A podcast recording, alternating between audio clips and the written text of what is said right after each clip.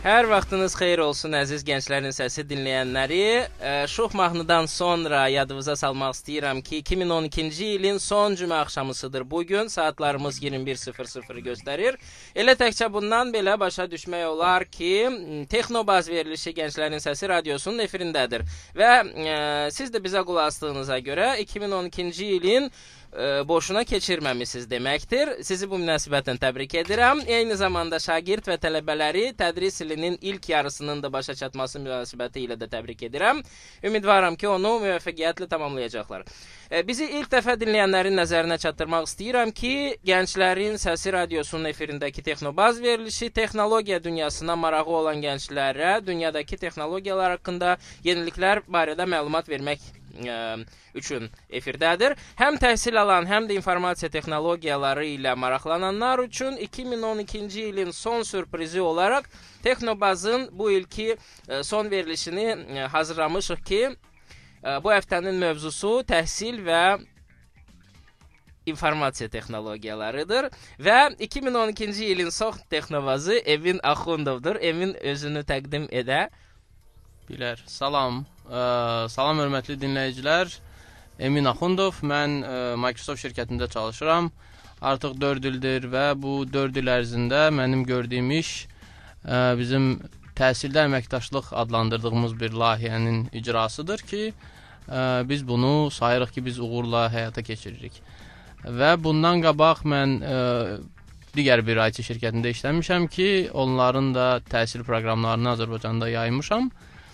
Hal-hazırda Microsoftun təhsilə yönəlik təşəbbüslərini, proqramlarını, layihələrini icra etməkdəyəm. Aa, belə bir sual, ilk sualım. Aa, əvvəlcə başqa bir IT şirkətində işləmək, daha sonra Microsoft kimi bir şirkətdə işləmək üçün ha, hansı növ təhsilə sahib olmaq lazımdır? Sən haranı qurtarmısan? Ə, mən ə, IT-yə bağlı heç bir təhsil almamışam. Ə, əfsuslar olsun ki, ə, və buna da səbəb yəqin ki, bizim ə, ənənələrimizdir ki, bizim təhsilimiz deyil. Mən özüm maliyyə ə, fakültəsini bitirmişəm İqtisad Universitetində. Amma 3-cü kursa çatanda anlamışam ki, mən böyük bir səhv etmişəm. Ə, və bunun da səbəbi odur ki, ə, məktəbi bitirəndən sonra həmən ali təhsilə qoşulmuşam. Mən gərək bir heç gözləyərdim. Aha. Yəni ki, onu uğur qazanan bir çox şəxs də elə fikirləşib. Məsələn, ə, Microsoftun qurucusu, ondan sonra rəhmətlik, onlar da 3-cü kursa çatanda başlayıblar fikirləşməyə ki, ümumiyyətlə oxumaq çox yaxşı bir şey deyil. Yəni ə, bu bizim ənənəvi təhsilimizin bir qədər ə, necə deyirlər, ayağını ə, şeyləmək deyil, demək deyilmi? Təhsilə təhsilə Bəs uğur qazanmaq istəyirsənsə oxumasan yaxşıdır. Yox, yox, yox, yox. Yoxsa 3-cü kursa qədər oxuyub ondan Oxu. sonra tərk etmək şərtdir. Mən ə, problem gördüyüm odur ki, mən məktəbi bitirib həmən ali təhsilə getmişəm. Yəni həyat görməyib. Aha. Ə, özümü heç bir Gərək sahədə birinci il təhsiləydin, sonra gedərdin əskəriyə. əskəriyə, müxtəlif sahələrdə işləyərdim, volontyorluq edərdim. Məsəl üçün Məsəl üçün bazarda pomidor satardın. Yox, mən nətər IT-yə gəlib çıxmışam Hə. Ki, mən məktəbdə maraqlanırdım belə ə, xırda Məktəbinizdə kompüter var idi? var idi, Corvette kompüterləri. Vau, neçənci ildir? Mən bitirmişəm 96-da, Corvette-lər var idi bağışlayın it ilindən. 92-də belə bizdə artıq Yamahalar var idi. Bizdə nəsə var idi, amma o qapı bağlı idi. Aha. Ə, amma ki, ə, sonra Maraq oradan oyandı. yəni bağlı qapılar arxasında nəsə var? ola bilər. Amma ki, mən ə, IT-yə gəlmədə çox böyük rol oynayan Soros fondu idi. Mhm. Hardakı pulsuz internet kursları var idi və internet Bəli. saatları var idi.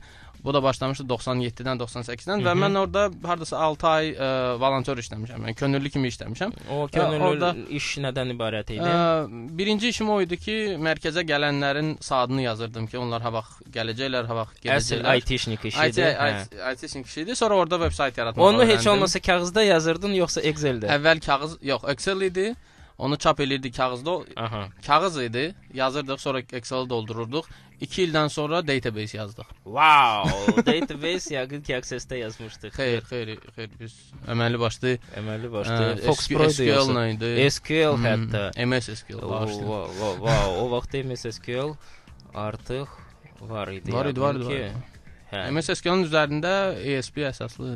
Hə, indi Proqram. qədim texnologiyalar haqqında danışacağıq. Də Hə. biraz Bəli, bəli, bəli. fransız qalacaq. E, deməli, e, volontyor işlədikdən sonra Başa düşdüm ki, bu sahə maraqlıdır Mhm. ə, və mən özümü əslində proqramçı kimi görürdüm Mhm. və əmin idim ki, mən Nəyə görə mən başa düşdüm ki, maliyyə mənim işim deyil, çünki proqramçılıq daha xoşuma gəlirdi. Amma üstündən bir 10 10-12 il keçib və indi başa düşürəm ki, o da mənim işim deyil idi. Amma ki IT sahəsində qalıb və IT sahəsinin ə, IT-sindən başqa da çox daha ə, maraqlı hissələr var. Hal-hazırda artıq deyə bilərəm ki, 7 ildir İKT-nin təhsildə tətbiqi ilə məşğulam. Hal-hazırda maraqlı hissədəsən yoxsa Mənə hələ ki maraqlıdır. artıq başa düşmüsən ki, bu da maraqlı deyil. Haraşo. Əsas məsələ odur ki, gənclər özünə maraqlı bir sahə tapsınlar Bəli. ki, orada tətbiq eləsinlər biliklərini. Yaxşı, ə, belə bir şey deyək. Deməli, təhsilin İKT-də rolu yoxdur. İndi keçək ikinci məsələyə. İKT-nin təhsildə rolu nə qədərdir? Yəni Microsoft əgər təhsil proqramlarını tətbiq edirsə, yəqin ki, nəsə var. Əm, əlbəttə və bu əslində Microsoftdan irəli gəlmir. Bu qlobal tendensiyalardır ki, ə, məlumatın sayı artır, ə, biliklərin, bacarıqların, ehtiyacların sayı artır Mhm. və keçmiş ənənəvi ə, üsullar bəzən ə, müəllimə və ya şagirdə imkan vermir ki, bu bilikləri versin və ya alsın. O yüzdən bəzi ə, bacarıqlar var ki və ya ə, biliklər var ki, onların İKT vasitəsilə çatdırılması daha asandır. Misal üçün ə, Azərbaycanda milyona yaxın Facebook ə, istifadəçisi var, üzvü var və ə, onların çox dostları var. Ə, biz əvvəl Facebookdan əvvəlki ə, müddəti yadımıza salsaq görərik ki, bizim dostlarımızın sayı adətən 20-30 ə, ya tanışlarımızın sayı 20-30-40 nəfər idi. Çünki bu bizim fiziki çata biləcəyimiz bir ə, say idi. Yəni sinifdəkilər, ə, məhəllədəkilər, qohumlar. İndi dostlarımızın, tanışlarımızın sayı yüzlərlədir və bu da texnologiyasız mümkün olan bir şey deyil. Ə, Yəni yüzlərlə həqiqətən dostlardır, yoxsa laykların sayımı? ən azından ə, dostlar ola bilər və ə, insanda gənc gəncdə bir ə, ünsiyyət bacarığı yarada biləcək bir mühitdir. Bizim əvvəlki ünsiyyət yarada biləcəyimiz mühit sadəcə bizim sinifimizdir. Mhm. Biz orada çox çıxış eləyə bilmirdik. Biz orada fikirlərimizi tam ə, belə hər istədiyimiz vaxt yaza bilmirdik. Ə, biz qorxurduq ki, bizi din ya qınayacaqlar, danlayacaqlar və s. Hal-hazırda da qınayırlar. Amma ki, Yazırsan ki, qınayıram, xüsusi bir qınayıram səhifəsi var. Qınadıqlarını. ən azından yazırlar. Əvvəl elə bir şey yox idi. Belə şeylər var ki, Yəni elə bir Facebook olmasaydı cəmaətdə ümumiyyətlə yazı yazma vərdişi yazı yazmaq yox, amma ki kütlə ilə ünsiyyət məsəl üçün, Mhm. ə, tanışlıq yaratmaq ə, əvvəl də var idi. Sadəcə biraz başqa ə, səmtdə idi. Belə çox mis- misallar var ki, ə, İKT ə, kömək olur. Ona görə, yəni bu Microsoftun işi deyil. Bu əslində tendensiyadır ki, ə, müasir bilik bacarıqlarının sayına görə Amma çox vaxtı görə- belə bir irad tuturlar ki, ə, bu Stirlets uşaqların başını ə, xarab eləyir. Ə, Facebooka girəndən sonra dərs oxumurlar, çox vaxt aparır, gic-gic insanlarla tanış olurlar. Olur elə şeylər də olur. Yəni bu Facebooksuz da ola bilərdi. Ə, hər şeyin bir müsbəti mənfisi var. Aha. Yaxşı. Bir balaca konkret ə, misallara keçək. Microsoft təhsil üçün nə təqdim edir, nə təklif edir daha Ə, doğrusu? Azərbaycan haqqında danışım Ola və bilər. sonra bəlkə qlobal bir şeylərə keçək. Ə, bir neçə istiqamət var ki, biz orada ə, düşünürük ki, təhsilə kömək edirik. Aha. Birinci istiqamət alətlərdir əlbəttə ki, biz proqram təminatı yaradan bir şirkətik və ə, biz bizim ə, ən qabaqcıl proqram təminatını çalışırıq təhsilə ə, təhsildə yayaq. Bunun həm kommersiya məqsədi var, həm qeyri-kommersiya. Kommersiya ondan ibarətdir ki, biz istəyirik ki, ə, bizim alətlərdən daha çox istifadə etsinlər. Aha. Ə, və kommersiya edəndə mən pulu nəzərdə tutmuram. Mən gələcək bir, çox ə, bizim daxili görüşlərdə hətta biz ə, təhsil sahəsinə ə, təhsil sahəsində etdiyimiz işləri investisiya sayırıq, sərmayə sayırıq. Digər şirkətlər, yəni qeyri qeyri texnoloji şir- şirkətlər, məsəl üçün neft şirkətləri və s.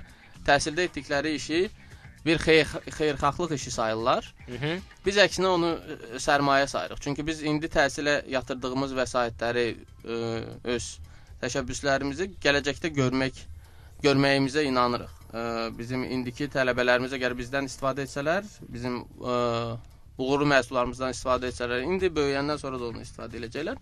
Bu bir, ikincisi biz istəyirik ki, ə, təhsil sahəsində təhsil iştirakçıları arasında daha çox ünsiyyət olsun, şəbəkələşmə olsun. Yəni müəllimlər bir-biri ilə daha çox ə, danışsınlar, məktəblər ünsiyyətdə olsunlar.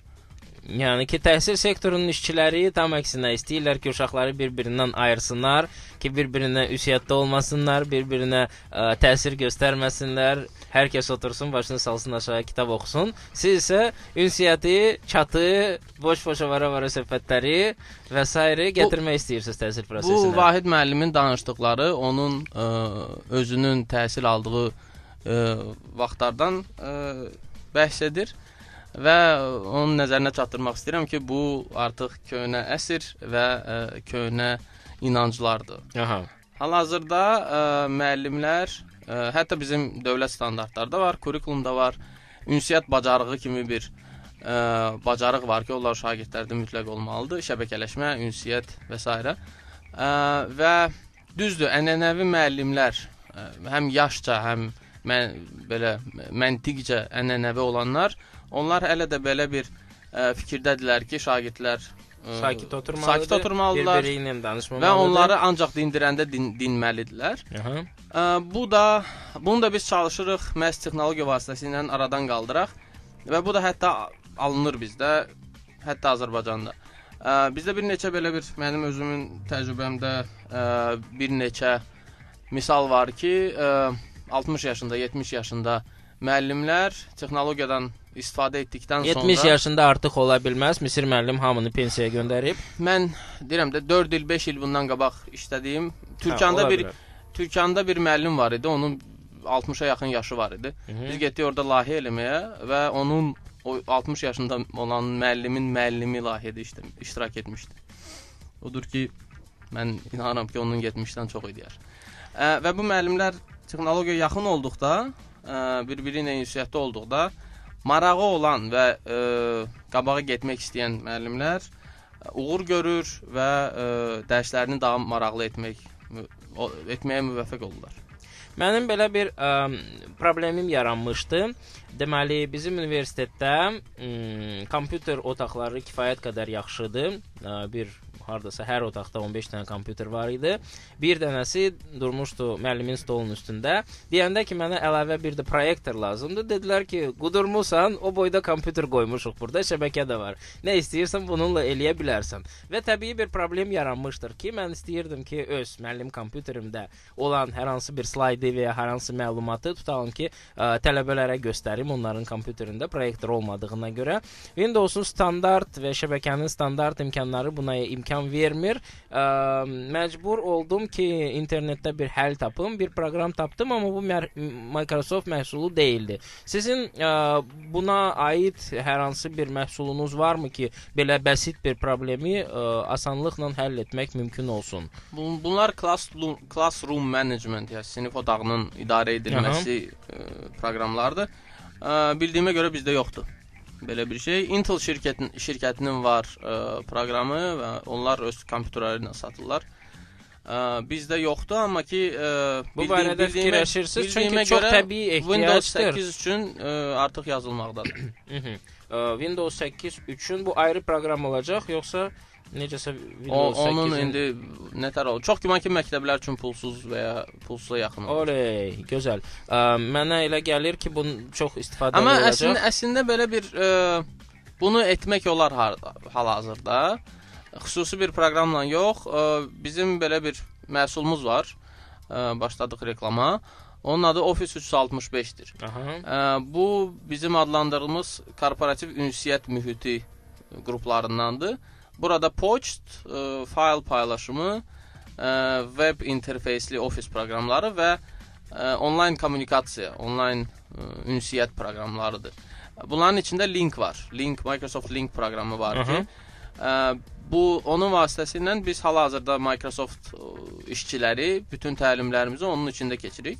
Bizim təlimçimiz oturur hardasa, ə, biz hamımız internet vasitəsilə qoşuluruq bu link proqramına, müəyyən görüşün kodunu göndərirlər bizə, biz o görüşə giririk və bizə ə, həm səsi eşidirik, həm ə, video görüntü olur, həm də ki onun ekranda olduğu sunmaq istədiyi məsəl üçün Aha. təqdimatı görürük. Bunun üçün internetin olması şərtdir, yoxsa Bunun üçün internetdə inter internetin olması şərtdir. Aha, Bu Ha, o, o, iki növbəti problemdir. Və bu, bu hələ məncə bu birazdan daha problem olmayacaq. Yəni inanıram. kompütersizlik problemini biz artıq universitetdə həll elədik, amma ki internetsizlik problemi hələ də bu bu proqramı aktivdir. biz başlamışıq Azərbaycanda tətbiq eləməyə və bu proqram kommersiya məqsədli bir proqramdır. Bunu hər bir ə, istifadəçi üçün qiyməti var aylıq, amma ki təhsil üçün bu proqram tam pulsuzdur. Mhm. Ə, və bizim bir neçə universitet artıq buna qoşulub, özləri üçün domen adı alıb, onu qoşublar Office 365-ə və ə, hələ ki tam belə tam aktiv bir şəkildə yoxdur. tətbiq eləyən Ət- aktiv şəkildə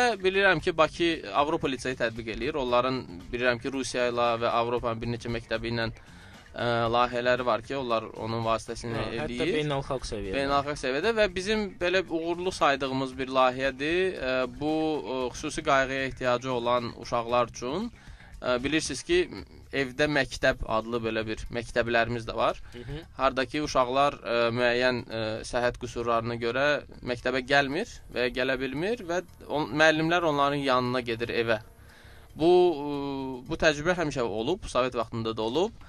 İndi də var. Biz Azərbaycanda mindən artıq uşaq var ki, belə ə, evdə oturur. Mhm. Ə, və bu link vasitəsilə hazırda Təhsil Nazirliyindən bizim və bir yerli şirkətin layihəsi var ki, uşaqlara 100 100-ə yaxın kompüter alınıb artıq Mhm. Təhsil Nazirliyi tərəfindən və link vasitəsilə müəllimlər artıq fiziki ora getmir, virtual gedir Bəli. və ə, hətta əvvəl edə bilməyəcəyi şeyləri eləyə bilir. Məsəl üçün əgər əgər əvvəl uşaq xüsusi qayğıya ehtiyacı olan uşaq evdə otururdu, tək idi. Aha. Müəllim gəlirdi, ancaq onunla ünsiyyətdə olurdu və uşaqda son nəticədə başqaları ilə ünsiyyət bacarığı formalaşmırdı da. Bu da məktəbin əsas bir funksiyalarından biridir. Ə, Hal-hazırda bu aradan qalxır, çünki müəllim eyni zamanda 3-4 uşağı belə xüsusi qayğıya ehtiyacı olan uşağı qoşa bilir. Bəs yaxşı onlar onlar bir-biri ilə Onlar ünsiyyətdə bir-biri ilə danışa bilir. Ha, yəni bu interaktivdir. Uşaq İnteraktivdir, həm bəli. qulaq asır, həm, Həm də ki cavab həm verə bilir. Çox gözəl. Və sonda belə bir sual, ə, tutalım ki, kənardan bir nəfər həmin ə, konfransa qoşulub dinləyici olaraq iştirak edə bilərmi? əgər müəllim ə, yəni konfransı açan kəs Mhm. Kimisə dəvət edə bilər. Aha. Misal üçün müəllim başqa müəllimi dəvət etmək istəyirsə, ona linki göndərir. Əslində bunu açıq şəkildə eləsələr, yəni belə madəm belə şeylər varsa, yayımlar varsa və bir müəllim üçün nə fərqi var o ki, onun neçə nəfər Heç qulaq bir fərqi yoxdur. Sadəcə yəni burada mane maneçilik törətmə problemi də ola bilər ki, başqa uşaq internetə qoysaq bu linki, Ə, amma ki, permission şey permission söhbəti var, var, var, yoxdur var, ki. var, var, var, var. Və salam. Ə, Onda. Yəni ə, görüşü açan kəs Aha. kimi istəsə dəvət edə bilər. Bəli. Biz ə, düşünürük ki, bu indi ki biz Office 365-i təhsildə ə, yaymağa başlamışıq və nəzərinizə çatdırım ki, bizim orta məktəb müəllimləri e-mail alır Mhm. dövlətdən. Onun sonu @teacher.edu.az-dır və bu bütün e-maillər Microsoft tərəfindən sunulur. Ə, və bütün müəllimlər bu link linkdən istifadə eləyə bilər. İstədikləri vaxt görüş e, aça bilər, istədikləri kəsləri dəvət edə bilər, şagirdləri, valideynləri, digər müəllimləri. Bu görüşləri yaza bilər ə, Aha. və kompüterdə bunu saxlaya bilər və sonra istədiyi kəsə göndərə bilər və ya internetdə bunu ə, yaya bilər. Bu imkanlar var. Burada ə, İKT-dən təhs təhsildə İKT haqqında danışanda bir çoxları ə, gözləyir ki, nazirlik, şirkət, bilməm, qurum kimsə gətirəcək hansısa bir aləti və qurğunu və o özü başlayacaq işləməyə. Əslində ə, təhsildə İKT-nin tətbiqinə normal keçiddə ə, təşəbbüs və ə, tворчество, İncəsənət. incə Yaradıcılıq. yaradıcılıq Hə. çox böyük rol oynayır. Əgər müəllimin yaradıcılığı yoxdursa, ə, hı. ya istəyi yoxdursa, fantaziyası yoxdursa, o ə, ən qabaqcıl proqramı da belə ə, bəsit formada istifadə edə bilər. Amma ki, ə, məsəl üçün mən çox müəllimlər görmüşəm Bakıda, Bakıdan kənarda ki, sadə alətləri, ən azından PowerPoint-ı, Excel-i elə maraqlı istifadə eləyiblər ki, Aha. Çünki onlar öz incəsənətini ora qoyublar. Ona görə İKT-nin təhsildə tətbiqi İKT nə qədər tələb edirsə, o qədər də ə, incəsənət tələb edir müəllim. Hə, incəsənət də qurban tələb eləyir. O da hə var. Hə. Əm, biz təklif eləyirəm ki, hal-hazırda gözəl bir musiqi parçasına qulaq asaq, ondan sonra söhbətimizə davam edək. I know fear is what it really was. Bəli, maraqlı söhbətimizə davam edirik. Ə, Yadınıza salım ki, bugünkü qonağımız Emin Axundovdur, Microsoft Azərbaycan ə, şirkətinin nümayəndəsidir və bu gün biz təhsil və İKT ə, haqqında danışırıq. Ə, yəni informasiya texnologiyalarının təhsil prosesində istifadəsindən nəyə görə məhz ə, Microsoft-dan nümayəndə dəvət eləmişik. Çünki Microsoft-un bununla əlaqədar bir xeyli məhsulu var və onu hal-hazırda Azərbaycana tətbiq etmək üçün ə, bir xeyli vaxt, əmək və necə deyirlər, ə, maraqları var. Ə, bir məhsul haqqında danışdıq, kifayət qədər maraqlı gəldi mənə. Onun haqqında artıq ə, ikinci, hətta üçüncü dəfə ə, eşidirəm və üçüncü dəfədən sonra artıq qərar aldım ki, ola bilsin ki, onu ə, nəsə bəlkə istifadə elədik. Ə, bu bir də həmin ə, gerçəyi necə sübut eləyir ki, təkrarın faydası var. Başqa hansı məhsullar mövcuddur Microsoftda 365-dən başqa? Məhsullar çoxdur. İndi bir-bir getmək istəmirəm. Amma ki bir ə, qism məhsullar var ki, ə, biz onu təhsildə çox ə, o haqqda danışırıq. Çünki onlar birinci təhsil üçün təhsilə yönəlikdir. Yaradılanda təhsil fikri ilə yaradılıb. İkincisi onlar pulsuzdur. A, pulsuz şeylərin haqqında danışaq. Misal üçün ə, ya ölürəm pulsuz şeylərdən ötürü. Məsəl üçün gənclərə, tələbələrə hansı şeyləri, pulsuz şeyləri təklif eləyə bilərik Ə, biz? biz təhsil haqqında yəni danışanda biz gərək təhsili bölək həmişə ə, Pullu təhsil və yox, pulsuz təhsil. ə, orta təhsil və ali təhsil. Ali təhsil. Ə, ali təhsil üçün daha çox indi onların yəni, ali təhsildə ixtisaslaşma var. Ə, ixtisaslarına görə daha çox onlar IT ilə maraqlana bilər. Ə, inşaatçı, arx arxitektlə, ə, arxikadla maraq maraqlana bilər. Ə, IT tələbəsi üçün bizdə çox şeylər var. Çünki biz özümüz IT şirkətiyik. Ə, tibb işçiləri və s. Ə, biznes biznes sahəsi də biraz ə, əhatə olunub. Bizim orta təhsilə maraqlı olan ə, məhsullar var ki, bizim müəllimlər çox vaxt ə, bilmirlər və ə, böyük problemi müəllimlərimizdə gör, onda görürəm ki, onlar axtarmırlar. Ə, axtarmaq lazımdır. Ə, və Harda axtara bilərlər? internetdə Ə, gözəl sualdır. microsoft.com, bing.com axtarış verin və ə, Məsəl üçün mən nə axtarış verməliyəm ki, nəsə çıxsın? Mən mən çox vaxtlar nəyi ə, istifadə edirəm? Ə, mən təhsildə bir bir funksiyanı axtarıramsa, bir imkanı axtarıramsa, gedirəm YouTube-a, Mhm. yazıram o maraqlı olan sözləri. Məsəl üçün astronomiya dərsi. Mhm. Ə, və orada müəllimlər, şagirdlər, tələbələr nəsə danışa bilər həmişə və ya və ya məsəl üçün ə, bizim Office 365 təhsil yazın. O proqramın təhsildə tətbiqi haqqında eşidərsiniz. YouTube-a daxil oldum və astronomiya dərsi yazdım. Orada Galileo Galilei haqqında bir rolik çıxdı. Hmm, Azərbaycancadır. Yazılır ki, Galileo müasir astronomiyanın atasıdır. Müasir fizikanın da Görürsüz nə, nə qədər Elmin rahat də siz atasıdır. ev, evdə Ümumilli oturub atadır yəni. evdə ə, evdə oturub ə, və ya dərsdə oturub iki söz yazmaqla ə, kiminsə yaratdığı bir şeyi tapa bilərsiniz. Ə, bəlkə də bəlkə də bizim müəllimlərə Microsoftun elə bir məhsulu lazımdır. varmı ki, tutalım ki, kiminsə dərs olaraq və ya faydalı məlumat olaraq yaratdığı bir şeyi internetdə axtarışını asanlaşdırsın. Məsəl üçün Bing-də mən deyim, məhz educational materialslar mənə lazımdır. Hmm, yəqin ki, bu açar sözləri daha çox istifadə etmək lazımdır.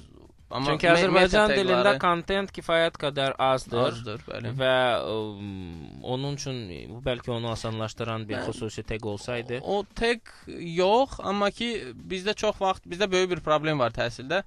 Etdiyi etdiyi işi izah etmək, yəni təsvir etmək problemi var. Hı -hı. Bizim müəllimlərimiz çox ə, təşəbbüskar müəllimlər də var, çox belə istedadlı müəllim, müəllimlər də var. Bəlkə biraz kiməsə təəccüblü gəlsin, amma ki mənim gördüyüm ə, təcrübəmdə başqa ölkələrlə müqayisə etsəm, bizdə istedadlı müəllimlər çoxdur. Onlar sadəcə gizləniblər, özlərini göstərmirlər. Ə, və Bəlkə Microsoft Azərbaycan belə virtual Bəlkə. universitet və ya virtual Eləyirik, məktəb təşkil eləsin çat, ki, o çatırıq ora, e, çatırıq. həmin müəllimləri öz Var, var elə bir şey. Ə, Çət- amma biraz başqa üslubda. Amma bu ə, nəyi deyirəm? Bu müəllimlər, hətta ən istedadlı müəllimlər çox maraqlı layihələr görür, işlər görür, dərsi çox qeyri-adi aparır. Hı -hı. Amma ondan soruşanda ki, zəhmət olmasa 3 səhifə şəklində o dərsi və izahını bir yazılı şəkildə mənə göndər. Bəli. Burada başlayır problem. Danışsın siz üçün saatlarla dərs haqqında.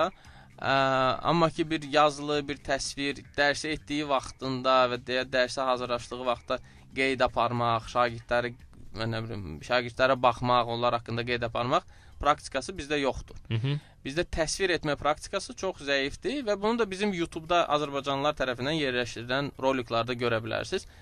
Yaxşı rolik də çəkir, amma izahatını yazmır. O zaman o rolikin tapılması ehtimalı çox azalır. Hı -hı.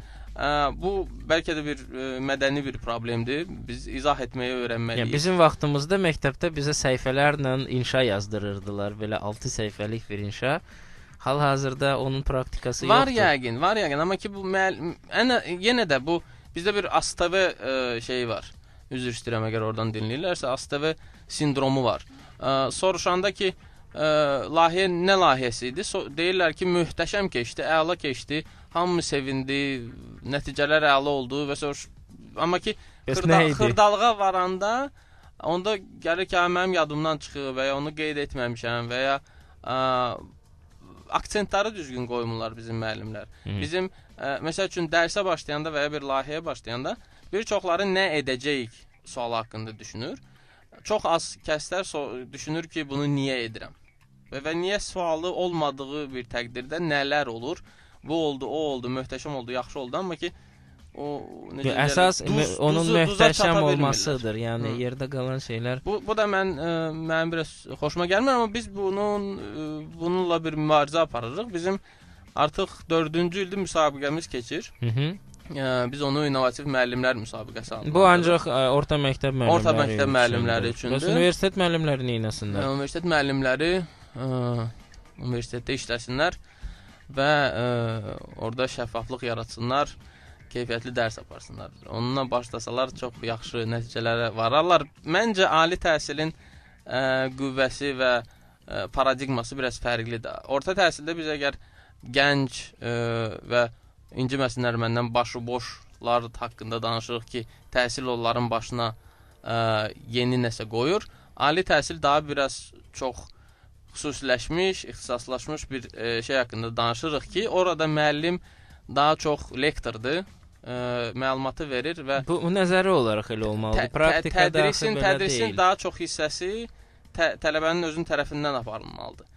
Amma orta təhsildə elə deyil. Orta təhsildə daha çox vaxtı müəllimlə aparırlar və müəllim e, bilik mənbəsi kimi daha çox rol oynayır. Hı -hı. Ə, müsabiqəmiz, müsabiqəmiz ə, 4 ildir keçirdi və bizim əsas problemimiz o idi. Biz çox əla layihələr verdilər, qalibləri seçirdik yerli mərhələdə və sonra başlayırdıq onların layihəsini təsvir etməyə. Buna mənim üçün ə, mənim və müəllimlərlə bir hardasa 1 ay ə, vaxtım gedirdi. Salam deyirəm bütün o iştirakçı müəllimlərə və bizim qaliblər ə, mütəmadi olaraq Avropa müsabiqəsinə gedirdilər. Azərbaycanı orada təmsil edirdilər. Və son 3 ildir bizim müəllimlər ə, Avropa müsabiqəsində müəyyən yüksək yer tutuldu, tuturdular. Hı -hı. 4 ildən 3 3 ilində bizim müəllimlərimiz yer tutublar Avropa müsabiqəsində, müəyyən nominasiyalarda 3-cü, 4-cü, 5-ci yerlər tutublar və bu da onlara şans verib ki, ə, Avropanı dünyada təmsil etsinlər və ya dünya müsabiqəsində iştirak etsinlər. Hı hı. Bizim yəni deyirəm 4 ildir müsabiqə keçir, 3 ilində ə, müəllimlər dünya müsabiqəsinə düşüblər və orada bizi təmsil ediblər. Yenə də orada da ə, bizim müəllimlər çox maraqlı layihələr el, layihələr eləyiblər. Amma ki onu təsvirində çox daha yaxşı təsvir etsələr, daha yaxşı nəticəyə çatardılar. Və burada əslində son ildə bizdə biraz dəyişiklik oldu. Ali təhsil iştirak elədi. Ə, orta təhsil müəllimi ilə ali təhsil müəllimin iştirakı ilə olan bir layihə idi Hı -hı. və dil layihəsi idi. Fransız dili layihəsi idi. Hı -hı. Və müəllimlər çox maraqlı İKT-dən istifadə etmişdilər. Onlar ə, əsas bir dil ə, dil tədrisinin problemini həll etməyə ə, başlamışdılar. Bizim dilin tədrisində problem odur ki, ə, biz qrammatikanı yaxşı bilirik, oxuya bilirik, tərcümə edə bilirik, amma ki danışa, Danışa bilmirik. bilmirik. Hə, bunun Ə, Bu qorxusu var. hamımızda var. Ə, və bunlar bunlar da düşündülər ki, bunun problemin əsas özülü ondadır ki, ə, şagirdlərdə praktika yoxdur və dil daşıyıcısı ilə praktika yoxdur. Mhm. Və düşünün ki, bunlar fransız dilin dərsi aparırlar və dil dil daşıyıcısı ilə ünsiyyət yaratmaq istəyirlər. Bunu siz nə tər edə bilərsiniz? Çata girib Çata girib və ya ə, Fransadan bir müəllimlə ə, tanış olub, onu Skype-la dəvət etdilər dərsə. Hmm, yəni Fransadan bir 60 yaşlı bir qoca kəftarla Hmm, ünsiyyətdə olmaqdansa çata Yo, girib yo, yo. Ən azından da, yəni dərs vaxtı 60 yaşında ilə ünsiyyətə giriblər, dərsdən sonra çata girib öz yaşıdları ilə ə, tanış olub danışa bilərlər və nəticədə uşaqlar başladılar danışmağa. Hı -hı. Yəni öz məqsədlərinə çatdılar. Burada həm İKT var idi, həm ə, orta təhsil vardı, həm ali təhsil və ə, biz o onlar Avropa müsabiqəsinə getdilər, yer tutdular və biz sonra qayıtdıq universitetdə, Dillər Universitetində bir görüş keçirdik.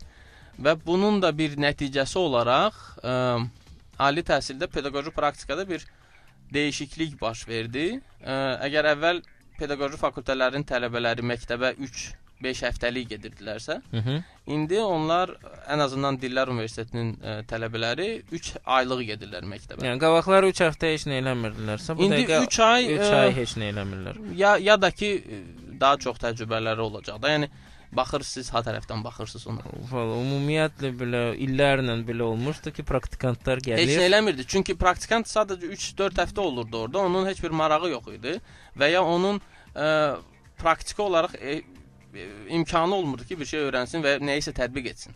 Hı -hı. Amma 3 ay, ə, 4 ay, 5 ay biz hətta bunu ə, danışdıq müsabiqə vaxtı biz son keçən ay Praqada idik müsabiqədə.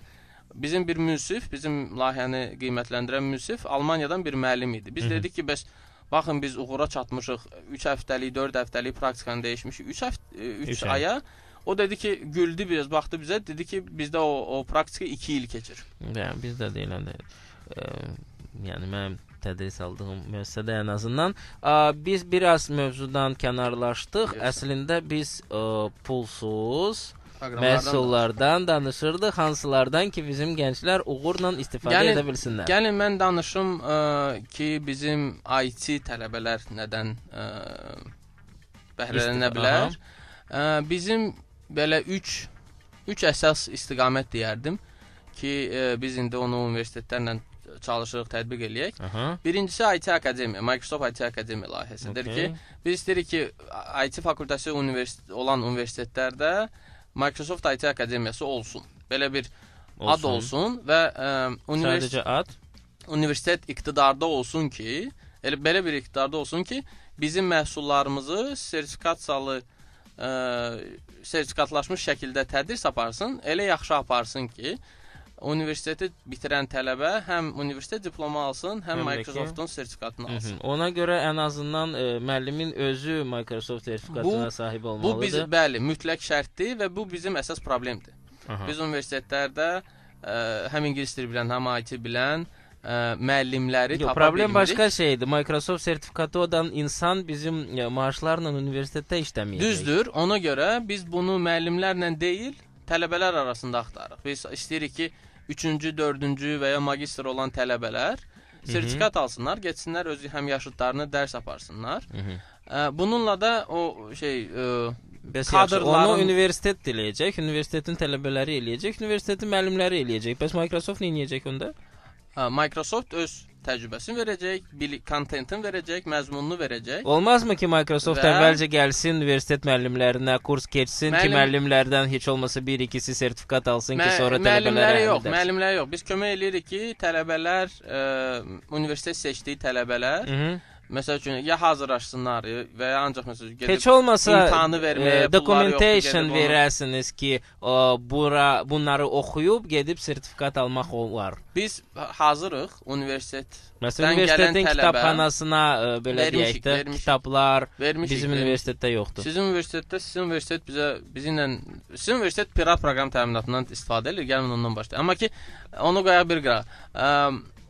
Ə, əgər e, universitet desə ki, baxın 3 tələbəmiz var, Hı -hı. imtahan verməyə hazırdılar və ya onlara öyrədin ki, kitab verin, oxusunlar. Biz hazırıq onu verək və hətta imtahanın pulunu verək. Oo. Ə, burada problem başdan, yəni birinci addımdandır. Ə, Əgər ə, O Bu ilk addımı nəfər- universitet atmalıdır. bi, biz birlikdə ata bilərik. Biz indi çalışırıq bir bir layihədir. Onu ə, detallarını deyə bilmərəm hələ, çünki Hı hı. başqa partnyorlarla işləyirik. Biz çox güman ki 10 universitetdə eyni vaxtda 10 universitet və orta məktəbi nəzərə alırıq. Eyni vaxtda biz bu IT Akademiya layihəsini başlayaq və bir çox ə, maliyyə xərclərini öz üzərimizə götürək. Məsəl üçün 3 tələbənin təhsili, onların sertifikasiyası, kitabların alınması və s. Burada problem pulda deyil. Universitetlərdə pul var.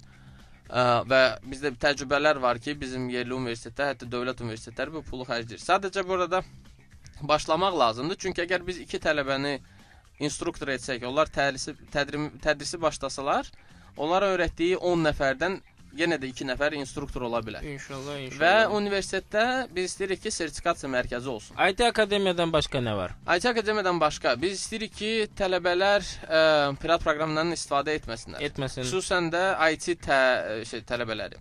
Onun üçün hər IT fakültəsi olan universitet Aha. ə, əgər tələbələrinə universitet e-maili verirsə, Mhm. ə, biz belə bir şərait yarada bilərik ki, bu bu layihənin adı Microsoft Dream Spark-dır ki, ə, ali təhsil tələbələri, IT tələbələri, hətta qeyri-IT tələbələr, müəllimləri bizim bütün server məhsulları, bizim bütün proqramçılar üçün olan məhsulları pulsuz əldə etsinlər.